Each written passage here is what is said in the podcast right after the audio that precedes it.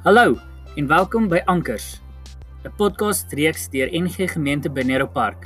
Hier voer ons gesprekke oor Jesus, die Bybel, genade, geloof en hoe ons lewens God eer.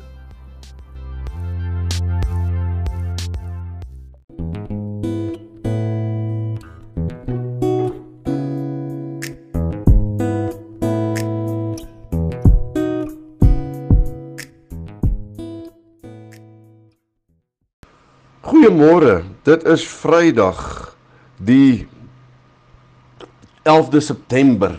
Uh lekker dag vir ons weer wat voor lê. Dit lyk na 'n lekker naweek. So geniet dit saam met wie jy ook al is en waar jy ook al is. Ons is by die volgende gelykenis wat uit Markus uitkom en ons staan stil by Markus 13 van vers 34 af. Vers 34 begin met die koms van die seun van die mens kan vergelyk word met 'n man wat van sy huis vertrek om iets om of om op reis te gaan. Hy vertrou sy eiendom aan sy werksmense toe, letterlik in die oorspronklike taal staan daar slawe. Vir elkeen het hy instruksies gegee oor die werk wat hy moes doen, maar vir die deurwagter het hy opdrag gegee om nou lettend wag te hou. Waak dan voortdurend want jy weet nie wanneer die baas van die huis terugkom nie, teen die aand, teen die middernag of met hanekraai of vroegdag. Moenie dat hy julle aan die slaap kry as hy onverwags opdaag nie. Wat ek vir julle sê, sê ek vir almal, bly voortdurend waaksaam. Net 'n interessantheid wanneer 'n mens gaan kyk na die teks hierdie laaste paar verse ehm um, van vers 35 wat sê waak julle dan voortdurend want julle weet nie wanneer die baas van die huis terugkom nie teen die aand of teen die middernag of met hanekraai of met vroegdag. Dis die vier dele waarin volgens die Romeinse gebruike hulle die nag in opgedeel het. Daardie vier dele: die aand, middernag, hanekraai of vroegdag. Ehm um, so dit stem nogal daaroor ooreen. Ek dink dis van selfsprekend waaroor hierdie gelykenis gaan. Dit gaan daaroor om waaksaam te wees. So dis weer 'n oproep wat Jesus sy volgers oproep en waarsku en aanmaan. Ons kan 'n klomp woorde gebruik om te sê hoor die ouens bly waaksaam want julle weet nie wanneer dit kom nie. So, dis 'n kort gedagte, maar 'n belangrike ding.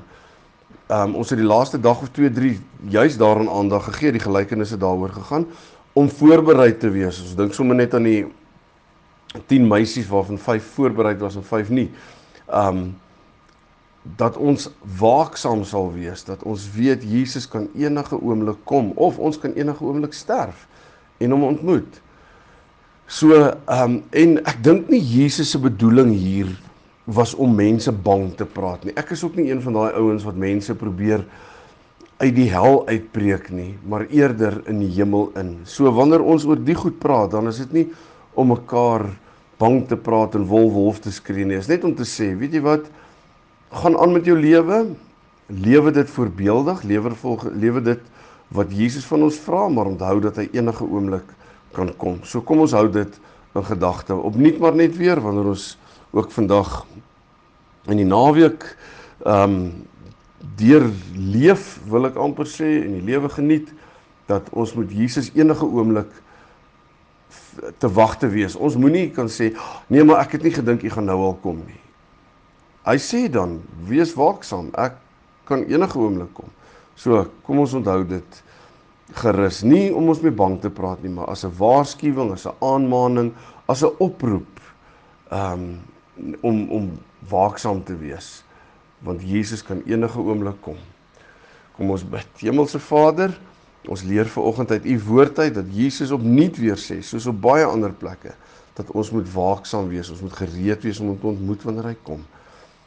Heilige Gees, herinner ons asseblief elke oomblik daaraan as ons iets sou doen wat dit mag laat lyk of ons lewens nie op koers is met 'n lewe wat pas by iemand wat wag op sy bruid nie of die bruidegom in ons as kerk wat bruid is dat ons onsself rein sal hou um vir vir ons bruidegom.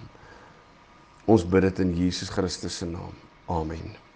Lekker dag verder vir almal. Geniet die naweek.